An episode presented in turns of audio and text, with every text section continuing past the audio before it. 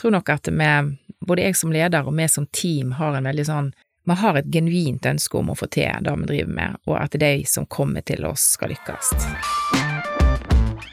Vi har jo for eksempel et helt fantastisk lederutviklingsprogram. Vi driver med rådgivning i konfliktsituasjoner. Vi er inne og er mentorer for ledere. Det, og vi har ganske store prosjekt på, på det som går på kompetanse. Kanskje løfte fram spesielt det med samhandling og samarbeid. Det at kommunene jobber i lag, det at bedriftene jobber i lag, det at bedrifter og kommuner jobber i lag, at det vi som sunnhordlendinger står i sammen, det tror jeg blir utrolig viktig i framtidsbildet. Og så må jeg jo få lov å si at det, dette handler ikke bare om hvis du har en idé. Vi jobber like mye med eh, bedrifter som eh, har utfordringer på ulike vis, eller vil eh, inn i vekst, eller som, som trenger hjelp til styret styre konflikter, altså som er inne i veldig mange forskjellige typer utviklingsløp, da. I dag lytter du til Sunnhordlandpodden spesial. Denne episoden er laga for Ateno og er til alle som er opptatt av å framsnakke næringslivet i Sunnhordland.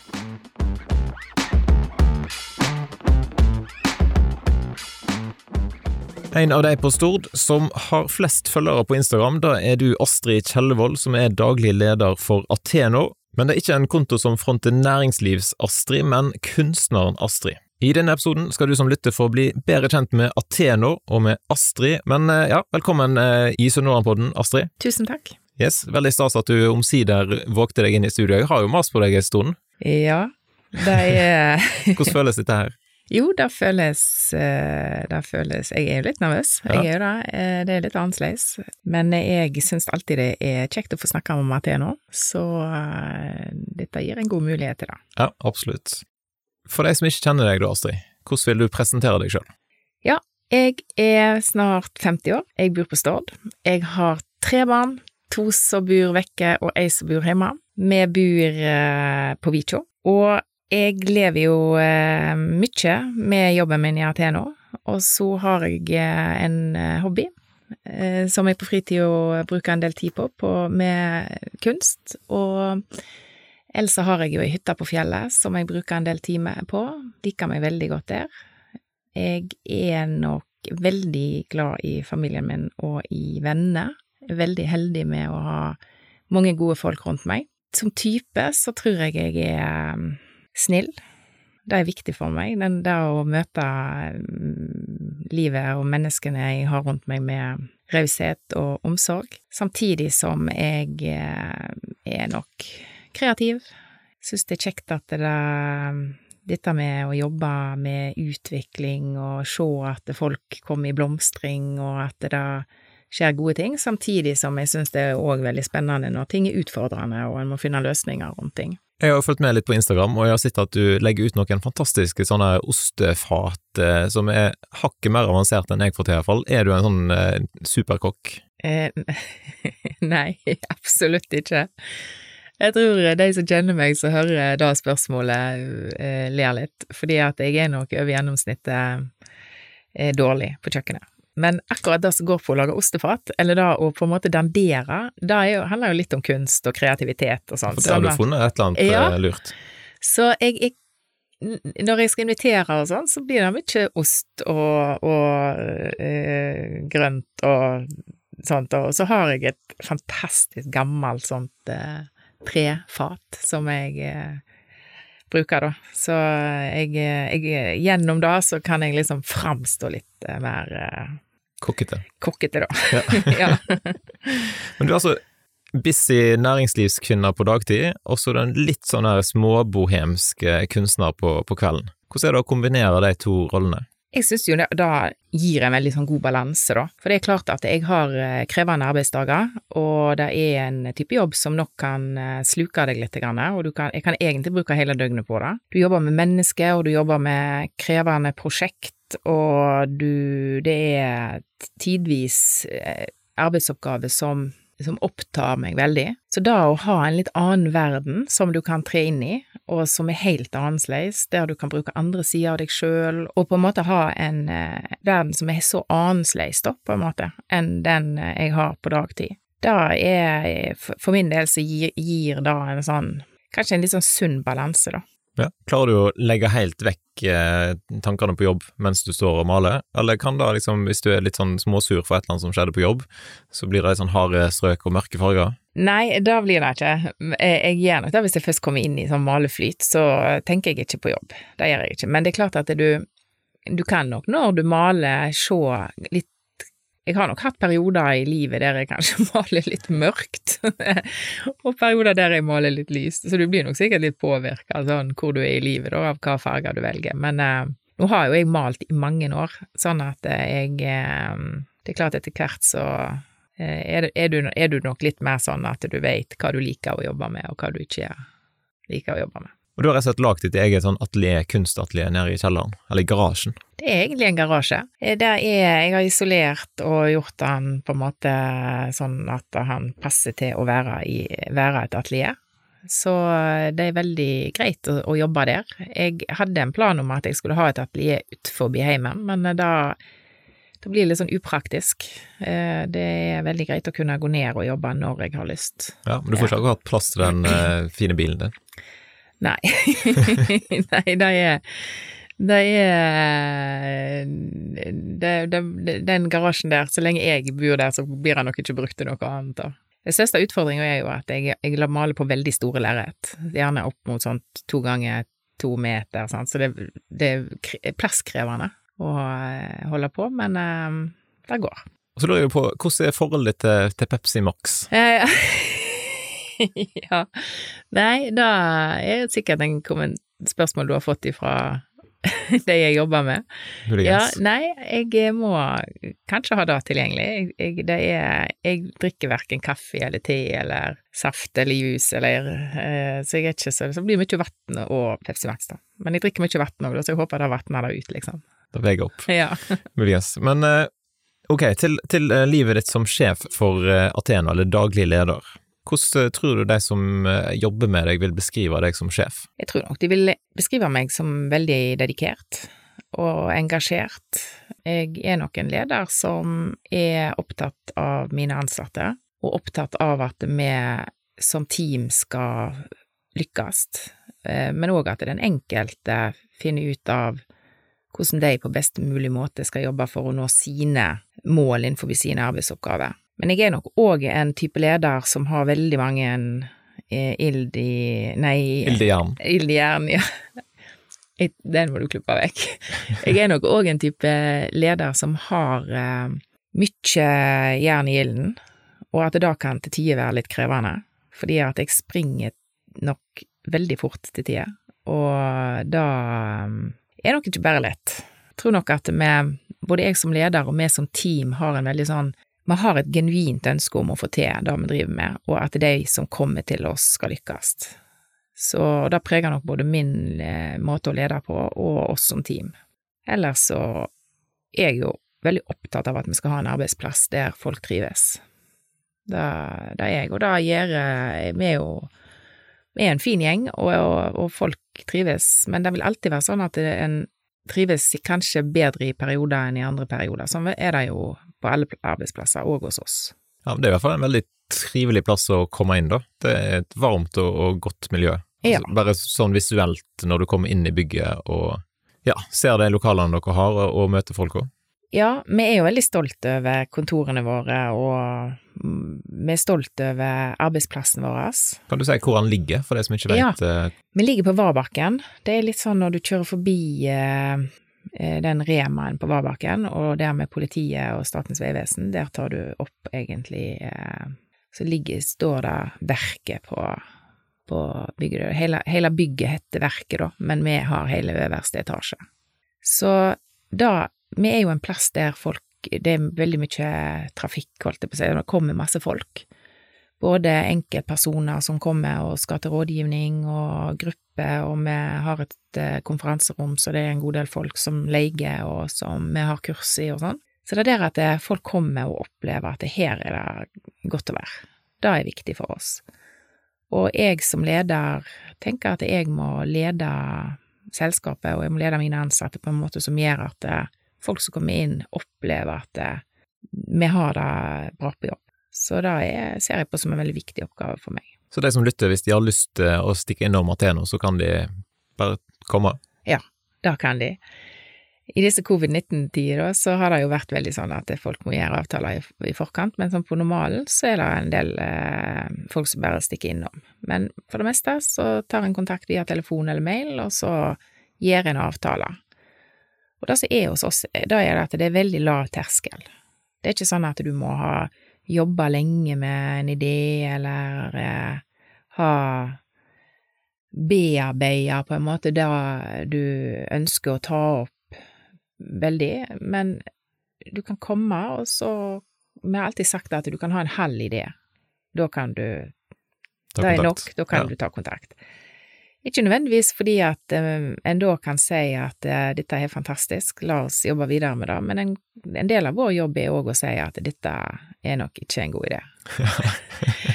eh, fordi vi sitter på mye kunnskap, både rundt marked og rundt det som går på utvikling av ideer. Og det er ikke sikkert da at ideen nødvendigvis er dårlig, men kanskje at en trenger å korrigeres, eller en trenger å bli stilt spørsmål som gjør at en kanskje tenke annerledes rundt eh, ideen, eller hvordan en skal jobbe med ideen framover. Så, men viktigst, lav terskel. Skal komme litt mer tilbake igjen til hva er det egentlig Athene jobber med, men før da, så, så de som lytter til Sunnmørenpodden, de har jo sannsynligvis fått med seg at noen episoder de eh, kaller jeg for spesialepisoder, og en del av de, de er laga for Athena. Og da er jo spørsmålet hvorfor i all verden ble dere en medspiller for eh, Sunnmørenpodden? Jo, da er en av de eh... Det er en av de gode ideene? Ja, det er en av de gode ideene.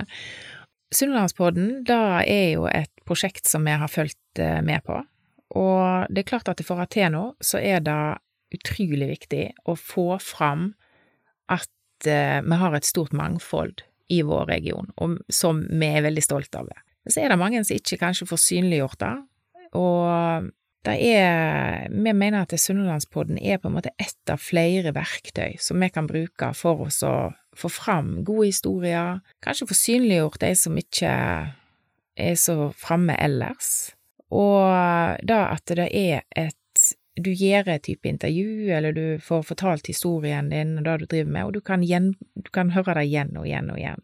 Så det er en god mulighet både for den som blir intervjua, og får synliggjort sin idé, men det er òg en mulighet at vi får vist på en måte en bredde på hva som skjer i vår region. Ja, rett og slett være med og heie fram eh, ja. gode folk. Ja, Så da det passer jo veldig bra med, med visjonen til podden. Ja. Kan du gi noen sånn eh, raske fakta om Ateno? Ateno hadde sitt opphav helt siden 1987. Vi er i år 34 år, og vi er faktisk landets eldste industrinettverk, eller industribasert selskap, sånn som vi er organisert. Det er, vi ligger på sånn cirka åtte–ni årsverk. Vi er et aksjeselskap Ca 70% av selskapet er eikt av industrien og næringslivet, og det resterende da er eikt mer av kommuner, fylke, stat, offentlige aktører. Det er nok veldig sånn i Ateno at det er, den, det, det er mye næringslivet som har lagt premissene for hvordan en utvikler selskapet. Og de 70 %-andelen som er eid av næringslivet, da er bedrifter som er opp mot 6000 ansatte til sammen. Så det sier litt om hvor tung eierkonstellasjon som står bak selskapet. Og vi er privilegerte, for vi har en veldig aktiv eierklynge, og vi har aktive eiere, egentlig både på den private og den offentlige sida. Og både i forhold til å dele sin egen kompetanse inn mot oss, men òg at eh, de bruker oss aktivt. Men uh, videre, da, hvordan vil du forklare folk som lytter, hvis ikke de har fått med seg, eller de har hørt om Ateno, men de har liksom ikke helt uh, catcha hva er det egentlig den gjengen der holder på med? Ja, dette er jo en av de tingene som jeg synes er utrolig eh, kjekt å få lov til å si noe om, fordi at jeg møter jo veldig ofte det spørsmålet om at hva er det egentlig Ateno driver med? Veldig ofte så forbinder folk oss med at vi jobber med oppstartsbedrifter og gründere, og at vi er liksom på dette her med ungt entreprenørskap og opp gjennom åra så er det jo veldig ofte det vi blir synliggjort på òg. Og nå er det klart at eh, det er en stor del av Ateno sin, eh, sin verden, men vi gjør veldig mye annet òg. Og det det er klart at en av visjonene til Ateno er jo på en måte at vi skal være i spissen for næringsutvikling i Sunnhordlandsregionen, og vi jobber veldig bredt. Vi har en tanke om at vi skal jobbe med entreprenørskap ifra, på en måte helt ifra skolestart og gjennom skolen, i, med studentbedrifter, vi jobber med kommunene, og det som går på e-, etablererveiledning, det som går på at du Det som jeg sier i forhold til en halv idé, sant, at alle som har ideer, kan komme til oss og eh, møte rådgivere hos oss som kan være med og jobbe i lag med dem. Og så har vi inkubatoren, som jeg skal forklare litt mer om seinere, sikkert. Og så, men det som vi kanskje ikke er så synlige på, er jo da at vi jobber mye i lag med etablert næringsliv og bedrifter som har drevet, eh, drevet lenge. Og da alt fra små og mellomstore bedrifter til eh, de store bedriftene i regionen vår. Og at vi inni det bildet der så har vi veldig mange forskjellige eh, prosjekt vi jobber i lag med de, og på kompetansesida, og veiledning, og ja. Og så er vi veldig tett på er virkemiddelapparatet. Innovasjon Norge, Forskningsrådet, Siva. Vi har innovasjonsmiljø over hele Norge som vi jobber i lag med. Vi jobber veldig tett med innovasjonsmiljøene i hele vestlandsfylket. Mot Haugalandet har vi gode samarbeid. Det er klart at vi blir litt sånn konjunkturprega. Er det finanskrise, så blir vi prega av det. Er det oljekrise, er det pandemi? Så vi har òg veldig store krav på oss til å hele tida være i endring og møte de eh, behovene, da, som er i vår marknad. Det er nok noe av det som er veldig spennende i Ateno, og så er det veldig krevende, fordi at uh, det er et stort spenn i hva vi jobber med, og hvordan vi jobber. Og vi har eiere som har forventninger til oss, og vi har eiere som er ganske ulike, sånn at uh, vi må hele tida evne å levere, om det er mot kommuner, eller om det er mot næringslivet, om det er Eh, mot industrien, eller om det er mot eh, offentlige aktører, så vil det alltid stå med litt i en spagat der, så det er en ganske høy grad av kompleksitet da, på, på hva vi skal levere. Og ikke minst på evnen vår til å tilpasse oss til hver tid, på en måte, hva behovet er. Altså det, det, jeg hører er at dere gjør veldig masse forskjellig, og at det kanskje derfor blir litt sånn vanskelig å spisse det sånn at folk forstår. Altså selger du, selger du brus, så selger du brus, på en måte, mens dere har et ganske stort eh, spekter av ting som dere jobber med. Ja, for det som er, sant, da er det at det som går på gründere, og det som går på den typen drift, og det som går på ungt entreprenørskap, og på den, de satsingene, da har vi mye pressedekning på, og det er markedsført ganske mye. Og en god del av det med andre vi driver med, det som går på kompetanseprosjekt eller veiledning inne i eh, etablerte bedrifter, da er jo sånn som vi ikke går ut med i samme grad. Veldig mye av det vi driver med er taushetsbelagt. Sånn at eh, det er litt sånn hva kan vi gå ut med, og hva kan vi ikke gå ut med. Vi har jo for eksempel et helt fantastisk lederutviklingsprogram. Vi driver med rådgivning i konfliktsituasjoner, vi er inne og er mentorer for ledere. Det, og vi har ganske store prosjekt på, på det som går på kompetanse. Eh, og da å utvikle kompetanse i bedriftene, eller da å, sånn som nå, se på hva kompetanse vår region kommer til å trenge i framtida. Så vi er inne på veldig mange sånne prosjekt som vi jo ikke på en måte synliggjør på samme måte. Så det er jo litt av utfordringen vår òg, sant. Det å klare å markedsføre oss i den bredden vi er. Samtidig så er det ikke sikkert at det da er helt mulig heller. Sant? Så derfor så syns vi jo det er veldig kjekt med denne poden òg, da, for nå får vi kanskje en mulighet til å si litt mer. Si litt mer. Veldig bra. Jeg vil jo tippe da at eh, når koronabølga kom, så fikk dere det litt travelt. Hva skjedde? Ja, det gjorde vi, og Ateno er jo et sånn type selskap som kanskje spesielt når det er krevende tider, da blir det veldig hektisk hos oss. Og når eh, vi kom i mars og eh, Norge stengte ned, så hadde vi allerede den kveld, første kvelden så hadde vi lagd et opplegg som vi gikk ut med eh, dagen etterpå. På at vi var tilgjengelige, og at bedrifter som eh, på ulike måter nå opplevde krise, kunne ta kontakt. Og noe av årsaken til at vi kunne snu oss så raskt, var at vi hadde gjort mange tiltak når oljekrisen kom, og gjennom 15 og 16 jobba veldig aktivt inne med bedrifter som hadde krevende tider. Så vi kunne på en måte, jeg skulle til å si gjenbruke en del av måten vi tenkte, men jeg skal ikke legge skjul på det, at òg eh, for oss så var 2020 ekstremt krevende. For oss mest fordi det ble så enormt trykk, da vi har hatt så enormt med bedrifter som har trengt hjelp og rådgivning på ulike vis. Er det litt sånn at når det er krise, så, er også, eh, så blomstrer kreativiteten litt òg? Ja. På ene sida så er det jo litt sånn at når tidene er veldig krevende, så syns vi jo det er leit, og på andre sida så syns vi jo det er litt spennende òg, fordi at vi ser jo veldig godt i krisetider at det er en enorm bevegelse. Og Sunnhordlandsregionen er jo gode på å omstille seg, de er gode på å tenke nytt. Eh, og spesielt ser vi jo at når de må, så gjør de spennende tiltak.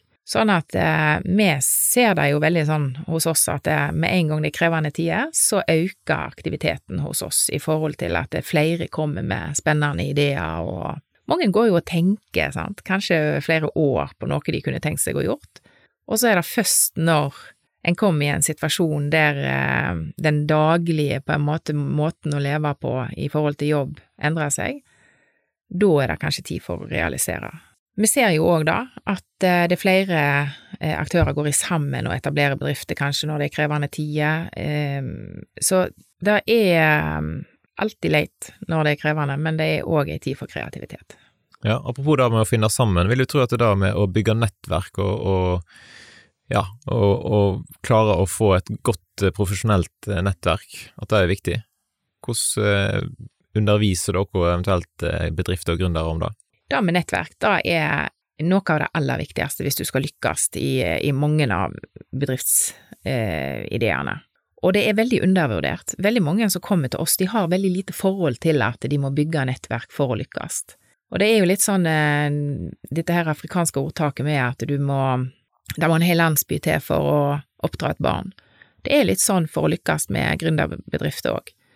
Skal du skal du på en måte lykkes med å skape ei bedrift og utvikle ei vekstbedrift, da, så må du ha et godt team, du må ha et godt lag. Og dermed så er det dette med å jobbe i nettverk, dette med å eh, både bygge den kompetanse og det kompetanseteamet du trenger for å utvikle konseptet eller ideen, men òg da å jobbe nettverksmessig mot en marked, for eksempel.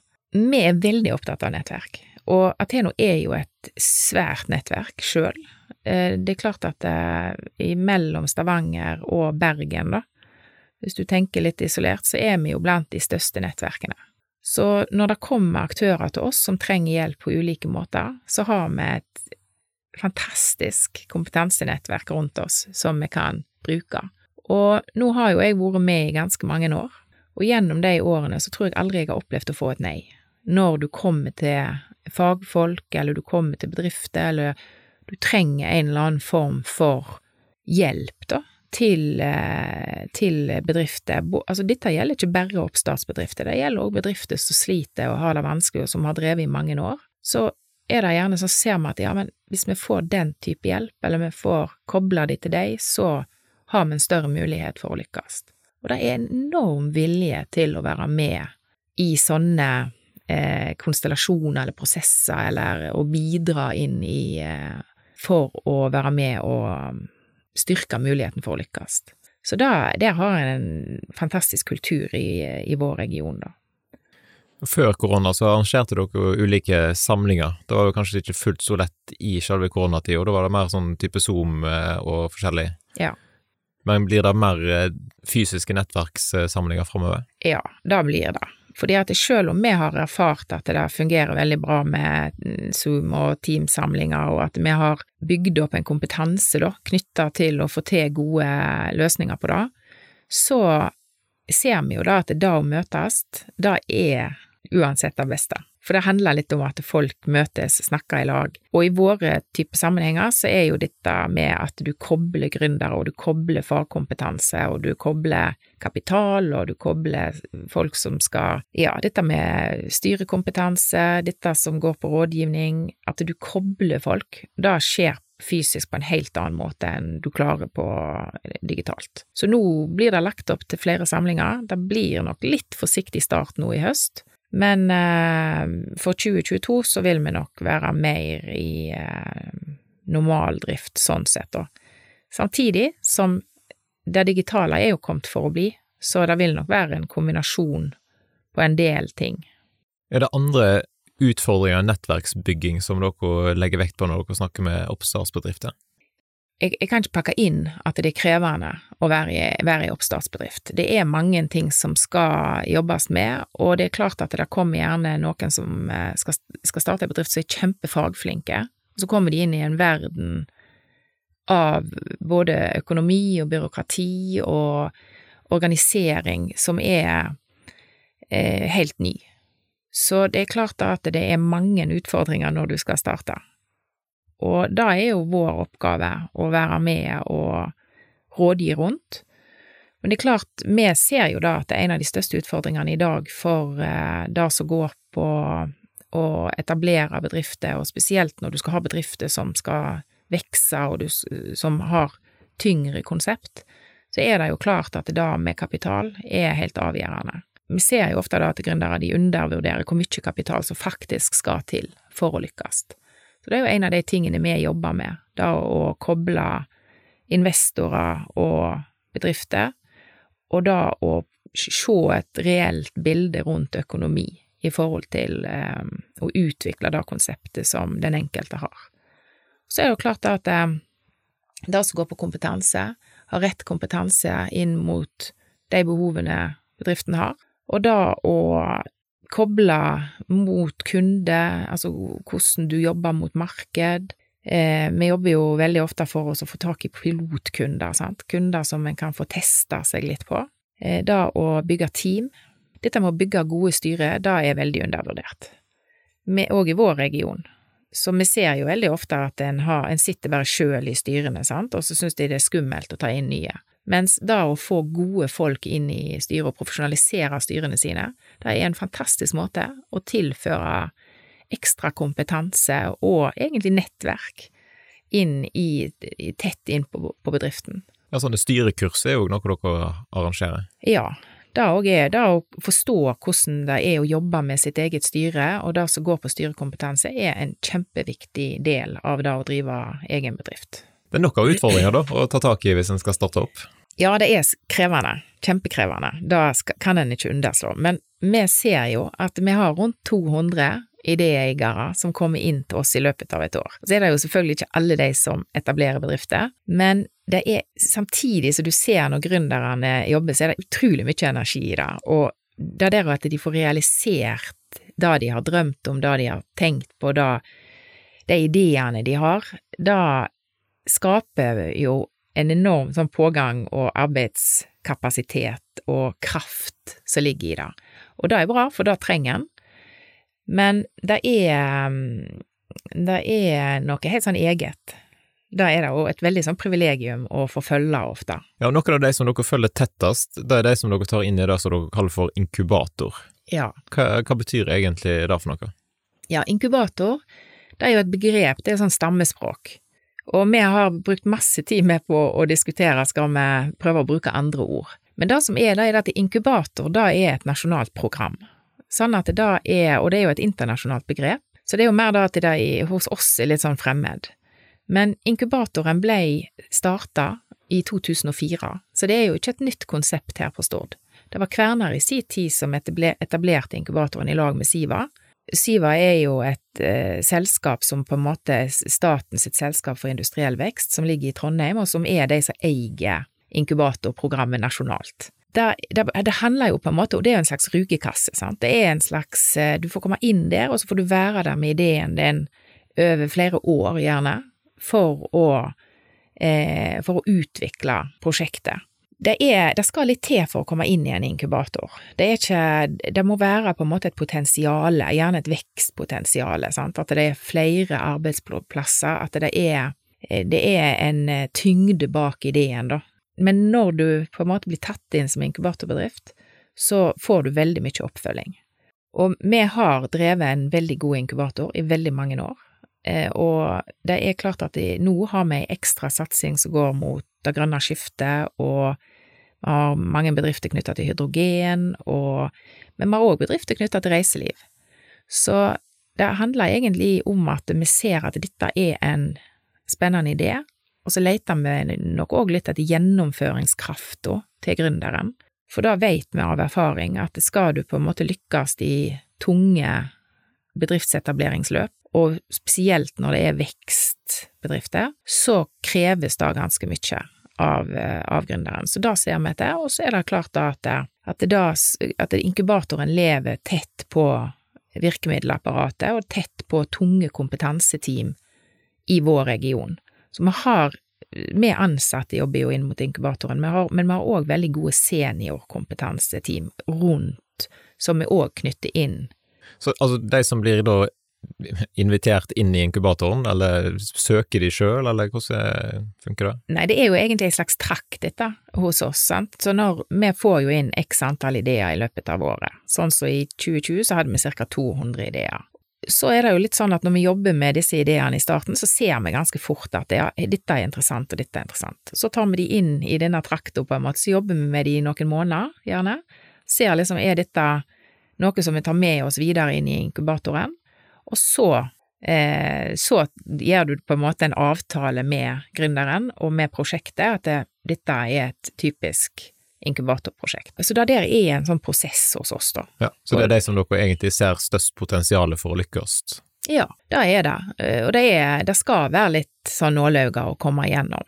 Eh, og, men når du liksom er gått den løypa, så er det et ganske stort team, og et veldig, veldig kompetent team som da jobber med deg. Hvis vi går litt videre, da, og så tar vi løfteblikket og ser litt utover hele regionen. Hva muligheter og hva utfordringer ser du i den tida som nå kommer? Ja, mye muligheter og mye utfordringer. Det er klart at for Ateno sin del så er det eh, Sunnhordland som er på en måte hovednedslagsfeltet vårt. Og det er det vi brenner for. Og, og, det er klart at vi har en del bedrifter i inkubatoren som ligger eh, rundt omkring i Norge òg, som vi jobber med. Men det er klart at det da å ha en sterk sunnhordlandsregion mellom Stavanger og Bergen, og en sterk sunnhordlandsregion nasjonalt, da er vi veldig opptatt av. Og så tror vi da at vi har en fantastisk kompetanse i, gjennom de årene vi har vært en uh, industriregion, uh, som vi skal få lov til å bygge videre på. Og så samtidig så tror vi da at uh, det vil komme endringer nå som vil utfordre oss til at vi må tenke annerledes gjerne i framtida. Det kan godt være da at eh, bedriftsbildet og næringsbildet vårt kommer til å endre seg ganske radikalt, og at eh, jeg er litt sånn opptatt av at eh, vi må være våkne for dette. For på samme tid som vi har en, et kjempeprivilegium gjennom den kompetansen vi har bygd opp i industrien, så er det klart da at både vi i Sunnhordland, men òg Norge, med å være våkne i det kappløpet som skjer globalt nå. At vi må passe på at vi er framme i det kappløpet. Ja, da snakker vi om det grønne skiftet? Ja, da snakker vi om det grønne skiftet. Det grønne skiftet, og egentlig det som skjer på teknologisida òg i, i verden i dag, det krever noe av oss. Og jeg tror det er farlig å sette seg tilbake og tenke at uh, dette gjelder ikke oss, eller at dette uh, går over. Eh, og da, da er ikke det bildet vi ser i dag. Vi ser veldig aktive bedrifter i vår region, og vi ser virkelig et eh, genuint ønske om å være med og utvikle eh, den framtida som kommer. Det blir jo en del synsing når du ser i krystallkula, fordi at vi vet jo egentlig ikke helt. Men ut ifra det bildet vi ser i dag, så, så tyder jo ting på at det, det må komme mer bedrifter opp som gründerbedrifter, men òg spesielt da SMB-segmentet, altså det som går på små og mellomstore bedrifter, som allerede er etablert. Da at eh, de bedriftene i større grad eh, skalerer og eh, får vekst, det tror vi jo blir en del av framtidsbildet. Men det er jo litt sånn vanskelig å si, for vi har alltid tenkt at vekst kommer best i de store bedriftene, sant. Det er mye lettere å øke med 100 ansatte i ei stor bedrift enn det er å bygge ei oppstartsbedrift opp til 100 ansatte. Det er enorm forskjell på. Allikevel så tyder ting på nå at det, det vil være en endring i de store bedriftene, og samtidig så vil du være avhengig av en større underskog av nye bedrifter og vekst i eksisterende mindre bedrifter. Så jeg vet ikke helt hvordan dette bildet kommer til å se ut, men at det er i bevegelse på en annen måte enn jeg i alle fall har sett de siste 20 årene, da, da er det liten tvil om. Og så er det jo klart da at det er krevende eh, når en ikke helt egentlig vet hva noe betyr. Og fremdeles er det sånn for mange bedrifter at de ikke helt skjønner hva vil det grønne skiftet bety for meg og min bedrift. Og da, da er det er ikke liksom fordi at folk legger seg bakpå nødvendigvis, det er fordi at det er per i dag litt vanskelig å se. Men det som er viktig, det er at det, det går ikke vekk. Det er ikke sånn at det, dette ikke blir en del av vår hverdag. Så jeg er jo veldig sånn opptatt av at vi må være frampå i å forstå hva er det som skjer ute i verden i dag, og hva er, det, hva er det egentlig dette betyr? Og her har bedriftene og ledere et ansvar i å sette seg fram i førersetet og forstår hva dette bildet er, og begynner å jobbe med ledergruppene sine og med styrene sine og eiere på å se seg sjøl inn i framtida. Så eh, det er veldig spennende tider. Det gir kjempemuligheter for vår region, og jeg har full tillit til næringslivet når det gjelder da, den endringa vi står i. Samtidig så syns jeg det er litt sånn viktig å òg være tydelig på det, at Sunnhordlandsregionen har vært privilegert i utrolig lange tider. Og vi må vokte oss for å ikke bli litt sånn arrogante i det. Fordi at eh, endringsbildet kan komme til å bli såpass krevende at hvis ikke vi jobber i lag, og hvis ikke vi på en måte skulle til å si plass, våger å plassere blikket fram, så kan vi tape eh, det kappløpet som, eh, som, vi står i. Det gjelder jo ikke bare Sunnhordlandsregionen, det gjelder jo hele Norge. Så eh, det, og kanskje løfte fram spesielt det med samhandling og samarbeid. Det at kommunene jobber i lag, det at bedriftene jobber i lag, det at bedrifter og kommuner jobber i lag, at det vi som sunnhordlendinger står i sammen, det tror jeg blir utrolig viktig i framtidsbildet. Det er iallfall trygt å si at Ateno blir neppe arbeidsledige med det første? Nei, det håper jeg ikke, og det tror jeg ikke heller. Eh, det, er, det ligger utrolig mye kompetanse i Ateno, ikke bare blant de ansatte, men òg blant eiere og i hele nettverket. Og jeg, er, jeg tror jo da at vi blir en viktig omstillingsaktør òg for framtida.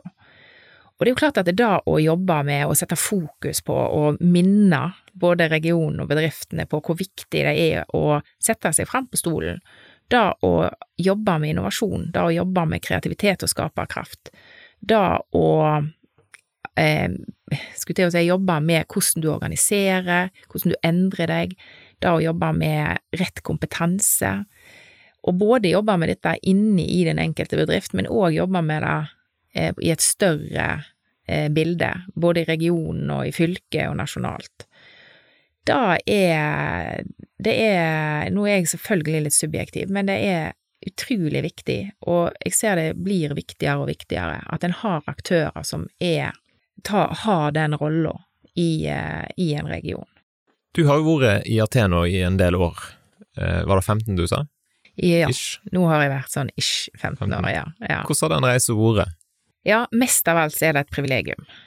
Og det er klart at eh, i begynnelsen så jobbet jeg som inkubatorleder, og, og var da i åtte år, og så var, overtok jeg som daglig leder i 2014. Og når du jobber i Ateno, så jobber du jo veldig mye i nettverk, så du får jo veldig mange spennende aktører å jobbe med, altså både ledere i bedriftene og ansatte i bedrifter, og gründerne, og veldig Vi har jo et bredt spekter av samarbeidspartnere. Så det er Det har vært veldig lærerikt, veldig eh, utfordrende. Og så er det jo litt av det at vi får lov til å hele tida være med og se litt i krystallkula. Og det er en del av vår oppgave. Og I tillegg til, til, til jobb, så har du òg gjennomført eller fullført en mastergrad eh, nå rett før korona smalt til? Ja, det stemmer. Jeg fikk muligheten til å ta en master i strategisk ledelse på Handelshøyskolen, Og det var to veldig gode år. Både sånn læringsmessig med å ha gode lærere og være i den faglige delen, og ikke minst være i ei gruppe i to år med veldig flinke folk. Så da da var Strategisk. Jeg har jo utdanna meg litt og litt underveis mens jeg har jobba i Ateno òg, og da å få faglig påfyll og øke kompetansen sin òg på den måten, for meg har det vært et privilegium. Ja. Hvis vi går litt tilbake igjen til der som vi egentlig starta, da. Vi snakket litt om Instagram og kunst, kunstner-Astrid. Influenser-Astrid. Ja. Hvordan er det å ha en eh, Instagram-konto med 8500 pluss eh, følgere? Jo, det er litt, litt surrealistisk, på en måte.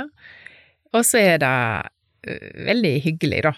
Det er det jo. Det er jo mennesker fra hele verden, og som, som blir jo på en måte en heiagjeng, og så er det jo en Det er jo både den der type folk som følger med fordi de syns det er spennende med bildene og, og den biten, og så er det mange som sjøl jobber med kunst og maler, og som en diskuterer saker med, og hvordan en jobber og sånn, så det er en liten egen verden, da. Så, men eh, jeg blir jo Jeg blir jo ikke mobba for, i heimen, da, for at mora er Influenser. influenser. Ja. Sånn er det. Jeg føler meg ikke akkurat som det, da. Men hvor masse tid bruker du på Instagram eh, hver dag? Mye mindre enn eh, folk tror. Det er på samme måten som at jeg får veldig mange spørsmål for at jeg maler så mye. Men det gjør en jo gjerne ikke, sant. Det er jo den fiktive verden i sosiale medier. Som gjør at du kan alltid skape et bilde av noe uten at det nødvendigvis er sånn. Så eh, jeg eh, Ja, det, det, det er like mange dager jeg ikke er, aktiv på Instagram som at jeg er det. Og da, nå har jeg jo vært på Instagram et par år med denne kontoen, så nå er jeg jo relativt rutinert, da. Så det er ikke det er ikke så lang tid hver, per dag. Men jeg, jeg har veldig stor glede av da å ta gode bilder og skape en For du skaper jo en fiktiv verden, sant. Det er litt, ligger litt magi i det. Eh, så det er, det, det er egentlig bare hyggelig. Ja, Så de som ikke allerede har slått følge, de må inn og sjekke ut eh, hva, hva heter kontoen din? Den heter Kunst nerestrek AK. Yes. Ja. Så får du plutselig 9000 eh, følgere. Det hadde vært fint. Eller hva er målet? Har du satt et mål? 10 000, eller?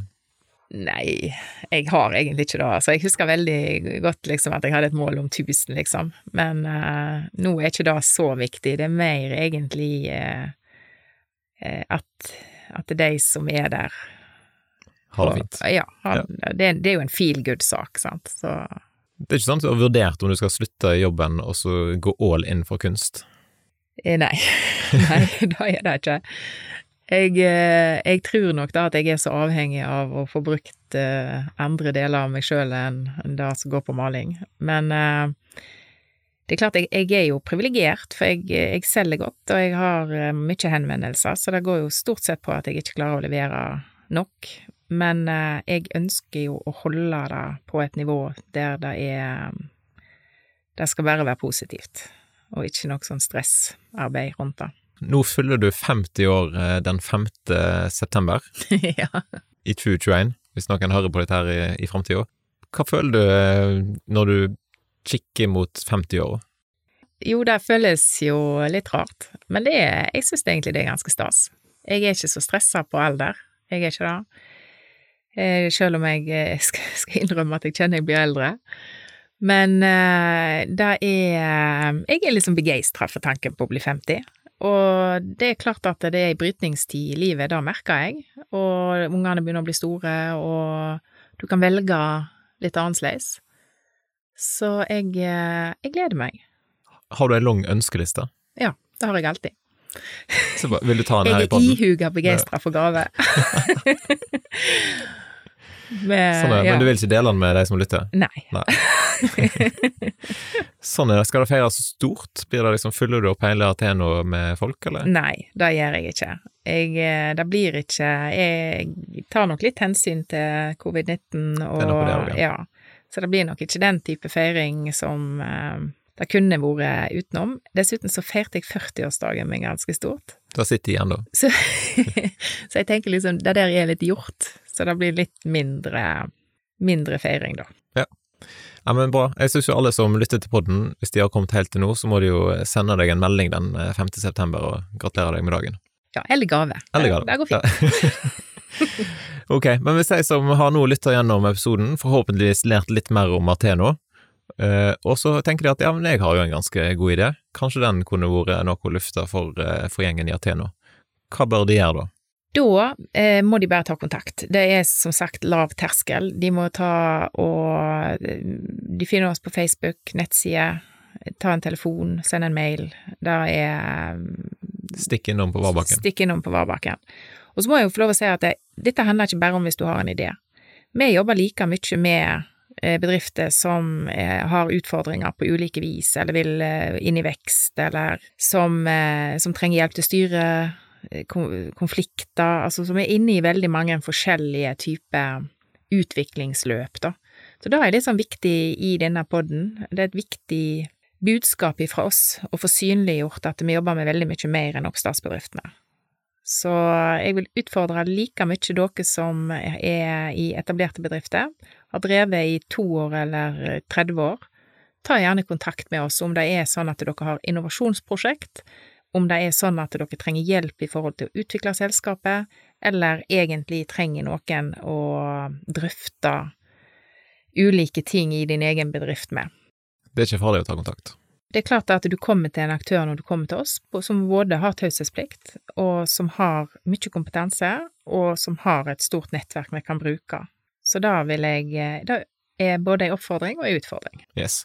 Og så sender dere ut litt sånn nyhetsbrev innimellom. Det er jo veldig lurt å koble seg på, sånn Ja. at en får med seg eh, kurs og andre ting som, som kommer ifra dere. Ja, og så er det veldig lurt å følge med på Facebook, hvis den er på Facebook, og, og da å være litt sånn aktiv, for det er gjerne Facebook vi kommuniserer mest ut alt som skjer hos oss. Så skru på noen sånne notifications på det som kommer, for det, er- i hvert fall hos meg så det, har det en tendens til å drukne litt, da. Ja, nei, det er veldig viktig. Gå inn på Ateno. Ja. yes, nei, men er supert. Jeg tror vi skal si tusen takk for at du tok eh, turen her i studio. Tusen takk for at jeg fikk komme. Så lykke til med alt, eh, både 50-årsdag, men òg alt som Ateno holder på med. Tusen takk. Takk for at du lytta til dagens spesialepisode av Sunnhordlandpodden. Denne episoden den var laga for Ateno, og den var til alle som er opptatt av å framsnakke næringslivet i Sunnhordland. Ønsker din bedrift å lage en spesialepisode? Da er det bare til å ta kontakt, så kan vi se om det er mulig å få til. Da ønsker jeg deg en fin dag, og så poddes vi jo plutselig igjen.